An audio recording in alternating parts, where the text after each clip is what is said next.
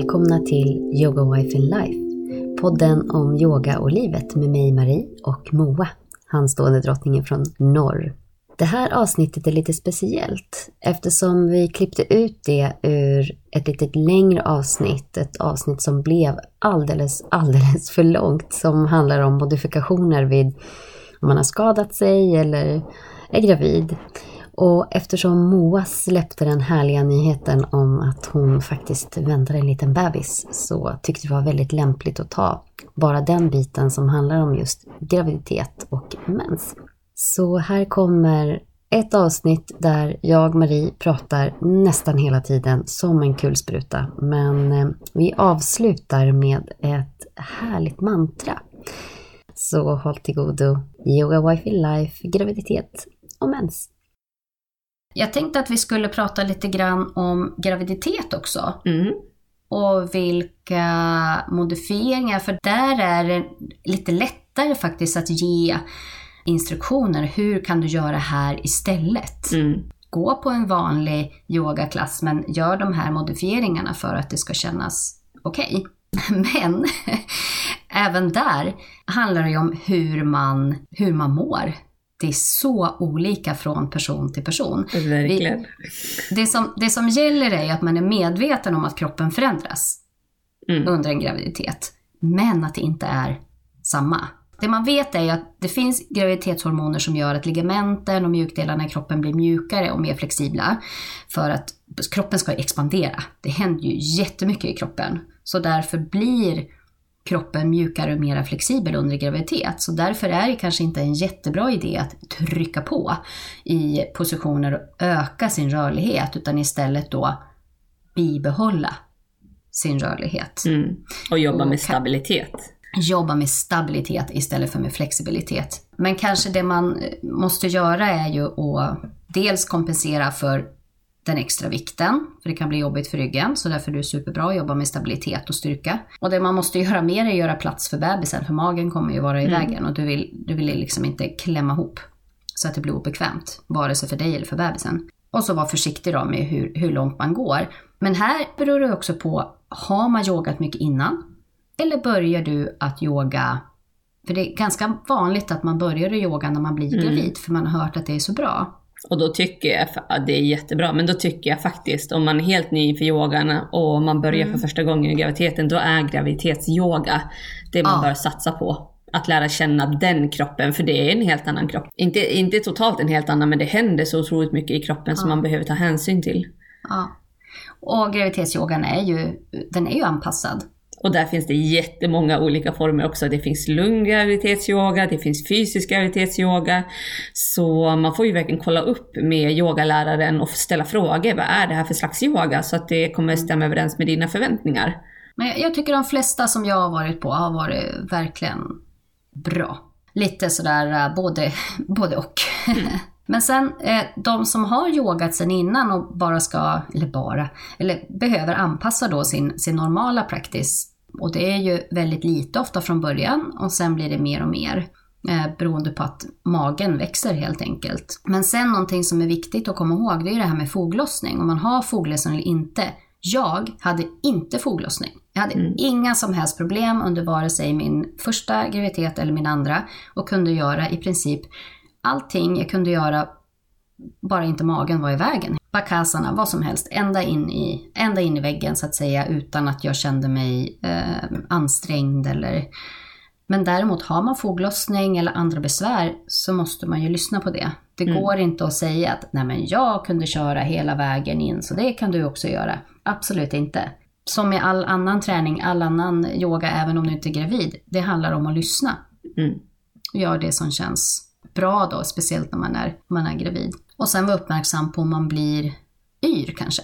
Eller det är lättare hänt när man är, när man är gravid att man blir, blir yr. Så då kan man alltid sätta sig ner och ta lite extra tid för vila och dricka ordentligt och så. Och har man exempelvis foglossningar så brukar man ju inte rekommendera Virabhadasana 3 där man balanserar på ett ben och ett ben är rakt bak. För att man har inte riktigt den stabiliteten i lederna heller, för lederna påverkar ju en stabilitet väldigt mycket. Mm. Och att när man gör lounger eller krigare 1 och 2, att man gör kortare steg så att man inte har de här stora mm. utbredda utan det kan vara väldigt små steg eller kanske inget steg alls beroende på mm. hur mycket foglossningar man har. Mm. Men vad är foglossning då? Kan man ju säga att man blir överrörlig i bäckenledarna helt enkelt och kan få ont i dem. Beroende på att det brosket som finns i fogarna, de luckras upp av de här graviditetshormonerna för att ge plats åt barnet mm. ska, när det ska ut. Precis, och det är dels två leder som kommer ner från ryggen där sacrum finns, eller korsbenet som man ser på svenska. Och de kallas för SI-lederna. Sen har man ju fram, på framsidan, den leden vet jag faktiskt inte vad den heter. Mm, den som är mittemellan. Den som är ungefär vid pubisbenet kan man säga. Det, det där är också en led som håller ihop. Och sen kan man ju känna givetvis inne i höftleden.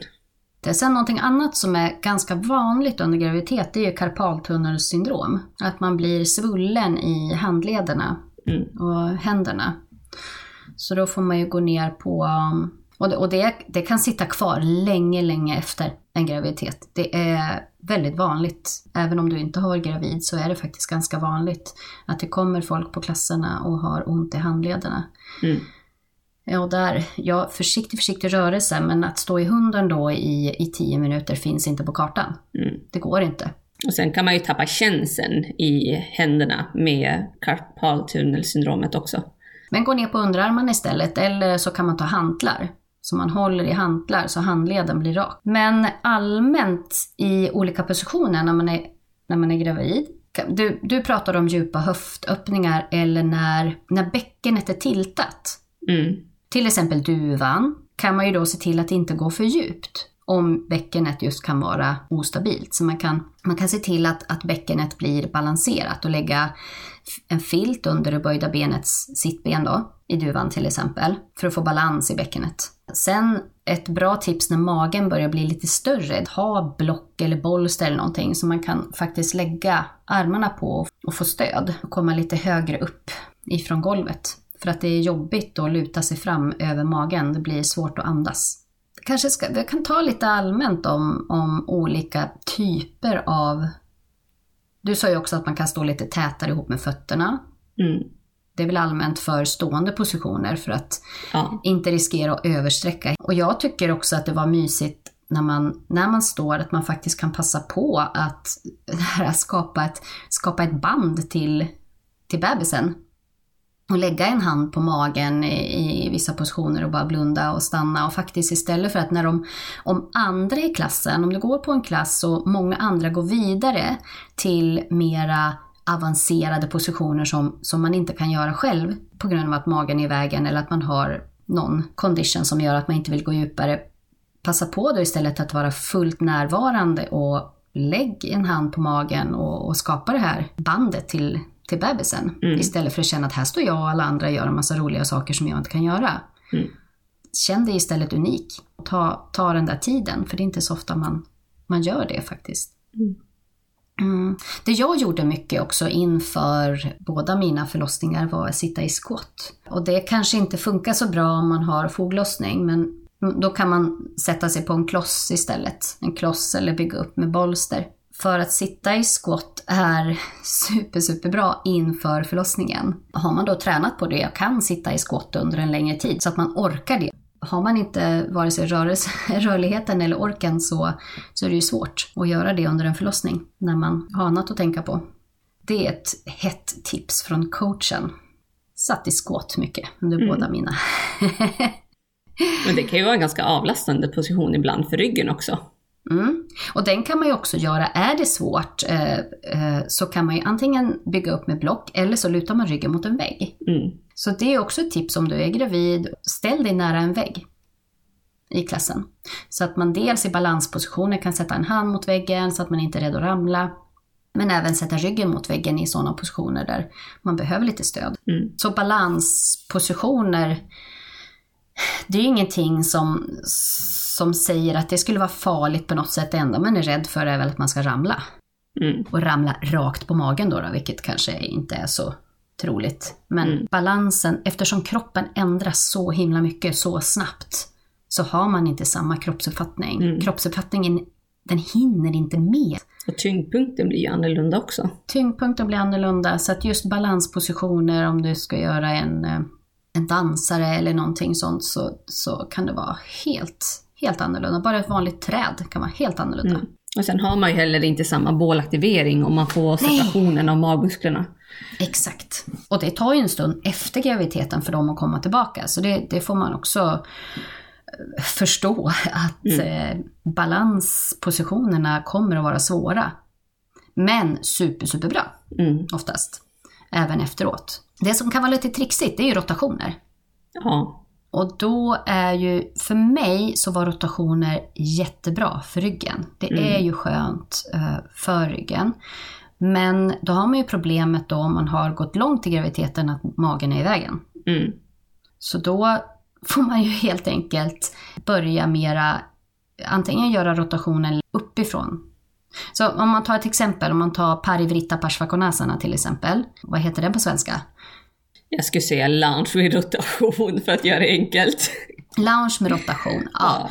Och då, kommer man, då lutar man ju fram över kroppen och sätter ner handen på utsidan av, så låt säga att man har vänster knä bak, eller vänster ben bak. Då kan man ju sätta, dels ett, sätta ner knät. Då alla andra lyfter på knät så kan man ju absolut alltid, och det här gäller ju inte bara om man är gravid, utan alltid, så kan man sätta ner alltid det bakre knät. Och då kan man ju först hålla kroppen upprätt och så vrida åt sidan och kanske till och med ta hjälp med händerna och jag kommer ihåg det här liksom att man tog hjälp med händerna och så bara uff, lyfte över magen lite grann på, på andra sidan.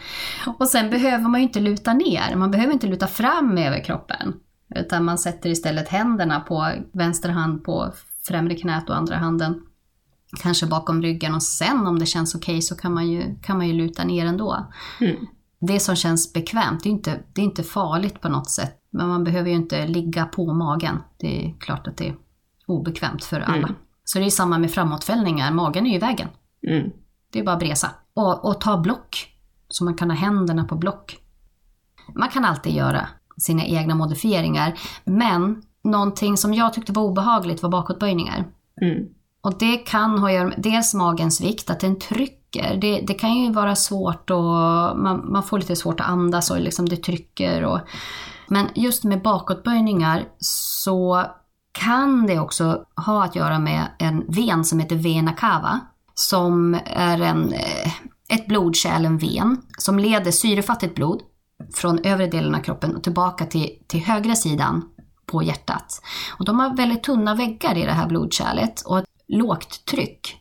Det här är också väldigt olika beroende på hur man är skapt. Men det, det kan bli tryck på den här och när den kläms ihop, det kan göra att gravida upplever att man blir det blir obehagligt och man blir yr och andfådd och, och lite svimningskänslor och så. Och det är därför man brukar säga också på avslappning att det är bättre för gravida att ligga på vänster sida. Man säger ju oftast lägg dig på höger sida och vila. Mm.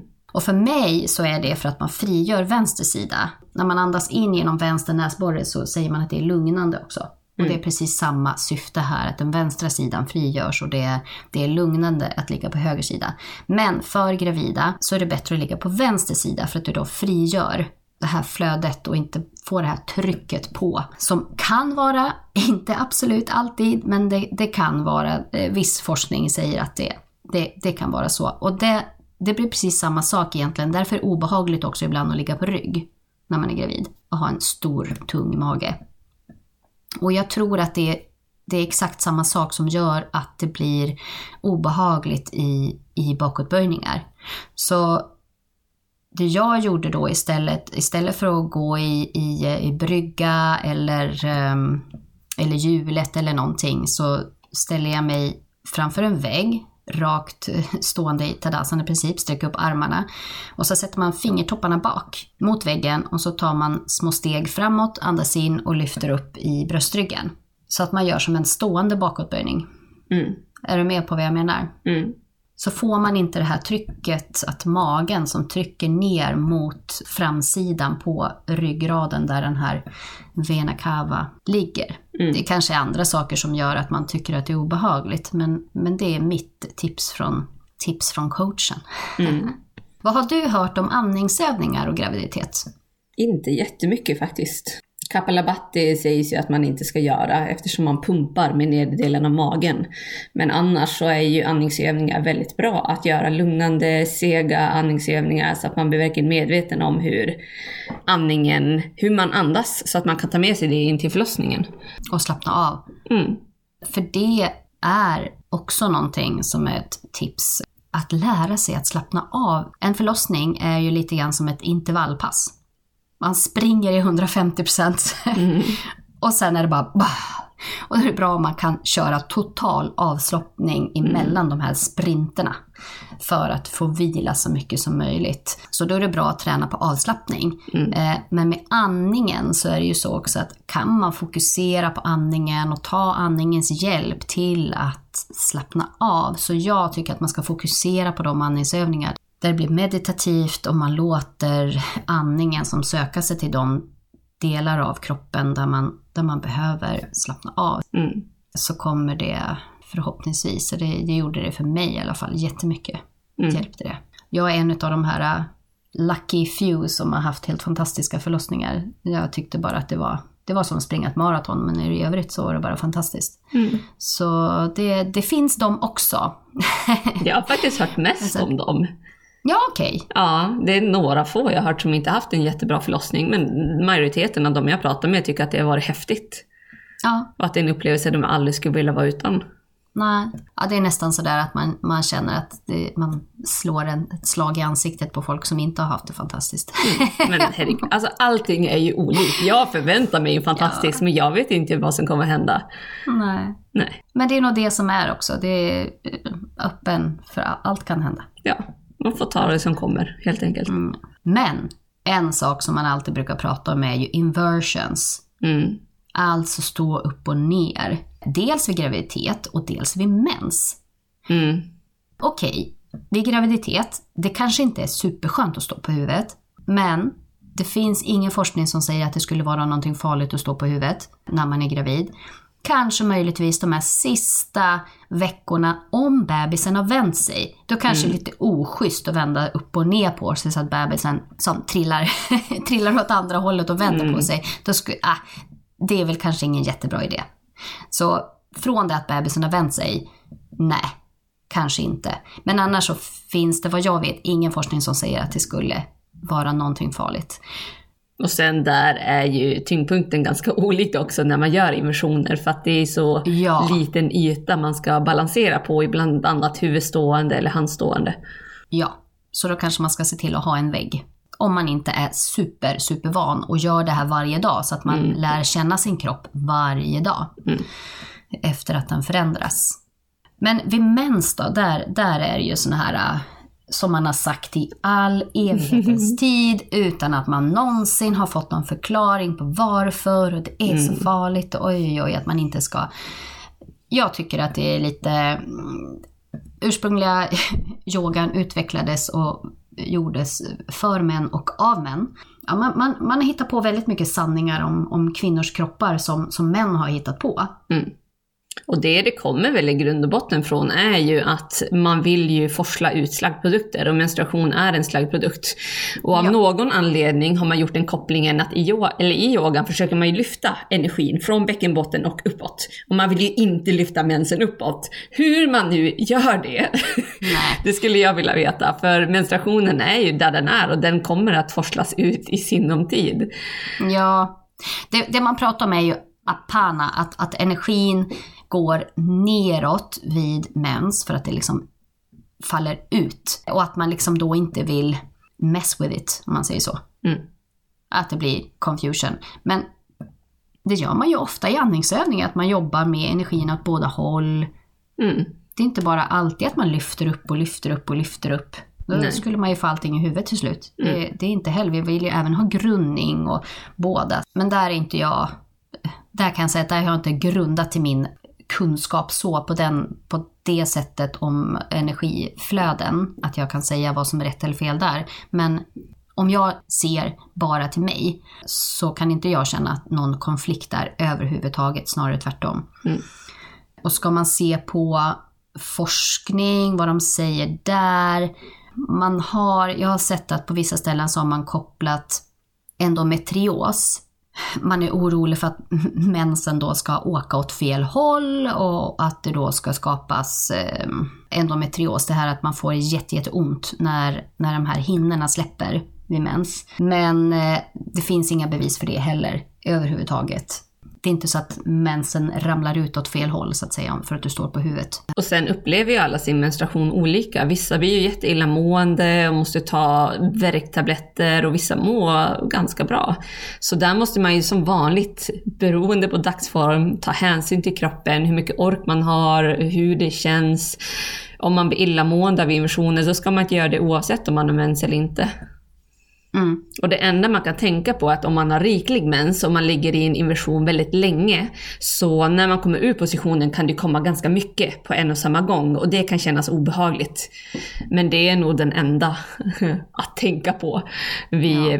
inversioner skulle jag säga. Ja absolut. Men det, igen, det, känns det inte bra, gör det inte. Men mm. eh, det finns liksom ingenting vetenskapligt som jag kunde hitta i alla fall som, som tyder på att det, det är inte så att kroppen förändras på det sättet att mensen rinner uppåt, så är det inte. Så lite bull.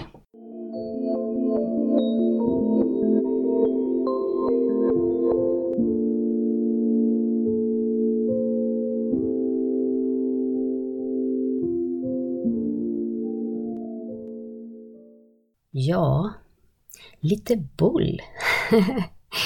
kanske jag tycker att det är.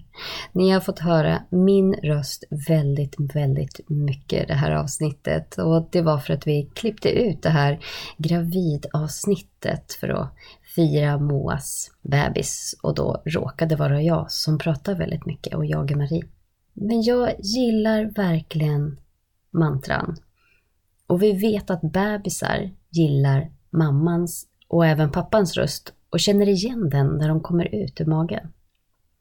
Och mamman behöver inte ha en skolad sångröst för att bebisen ska gilla den, utan bebisen gillar den oavsett sångtalanger och tycker att den rösten är den vackraste och tryggaste i hela världen.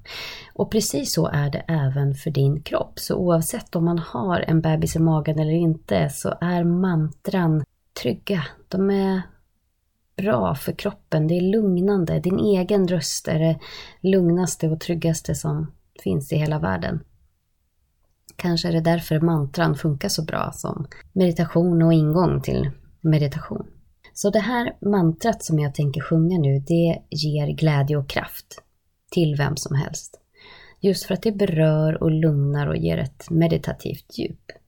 Men det kan lika gärna sjungas av män, men det kallas för Adi Shakti. Och Shakti, den kreativa kraften, finns inte bara i kvinnor utan även i män. Och vi behöver både Shiva och Shakti. Man kan översätta det till yin och yang kanske.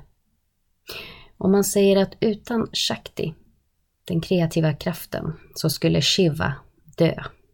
Och utan Shiva så skulle Shakti bli galen. Så Adishakti-mantrat kallar in den feminina styrkan, den kreativa och beskyddande energin och kraften och sägs ta bort rädsla, uppfylla önskningar och ge medkänsla. Men det räcker med att bara känna vibrationerna och gärna med ett lätt leende på läpparna. Så känn in den här styrkan och kraften som det ger dig.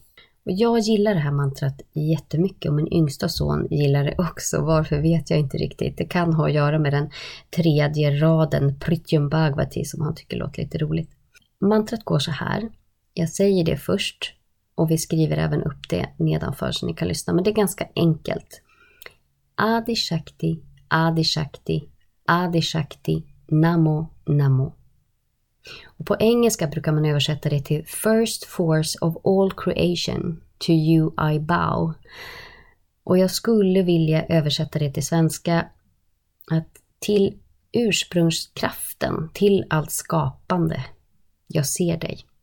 Andra raden är Sarabashakti, Sarabashakti, Sarabashakti, Namo Namo. På engelska Divine Force Everywhere. To you I bow på svenska kanske till den gudomliga kraften som finns överallt. Jag ser dig. Sen kommer Prityum Bhagavati, Prityum Bhagavati, Prityum Bhagavati, Namo Namo. Creative force, Primal force, to you I bow.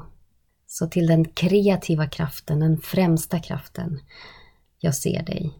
Och sista raden är Kundalini Mada Shakti, Mada Shakti, Namo Namo. Rising up, Divine Mother, to you I bow. Och på svenska, jag vet inte, du stiger upp kanske inte är jättebra. Rising är ett väldigt bra. Rising up, Kundalini, Rising up, Divine Mother, gudomliga moder. Jag ser dig. Så att det här mantrat sjungs ofta av gravida kvinnor och sägs då även beskydda och eh, rensa vägen, ta bort hinder på vägen. Så sitt bekvämt med rak ryggrad. Man kan sjunga det här mantrat så många gånger man bara vill. Jag kommer att sjunga det kanske åtta gånger. Och man kan sjunga det, tycker jag, hur som helst. Men eh, om man vill så kan man placera händerna framför hjärtat med handflatorna neråt och armbågarna ut åt sidorna. Och vänster handflata några centimeter ovanför den högra handen. Och jag har ingen fantastisk sångröst på något sätt, men det är inte det det handlar om. Man kan sjunga ändå. Man kan sjunga mantran i många olika varianter. Jag gillar just den här och man kan hitta den även på Spotify om man inte vill lyssna på min röst. Adi Shakti, Adi Shakti, Adi Shakti, Namo Namo. Sarabha Shakti, Sarabha Shakti, Sarabha Shakti, Namo Namo. Prityam Bhagavati, Prityam Bhagavati, Prityam Bhagavati, Namo Namo. Kundalini Mada Shakti, Namo Namo. Adi Shakti, Adi Shakti, Adi Shakti, Namo Namo. Sarabha Shakti,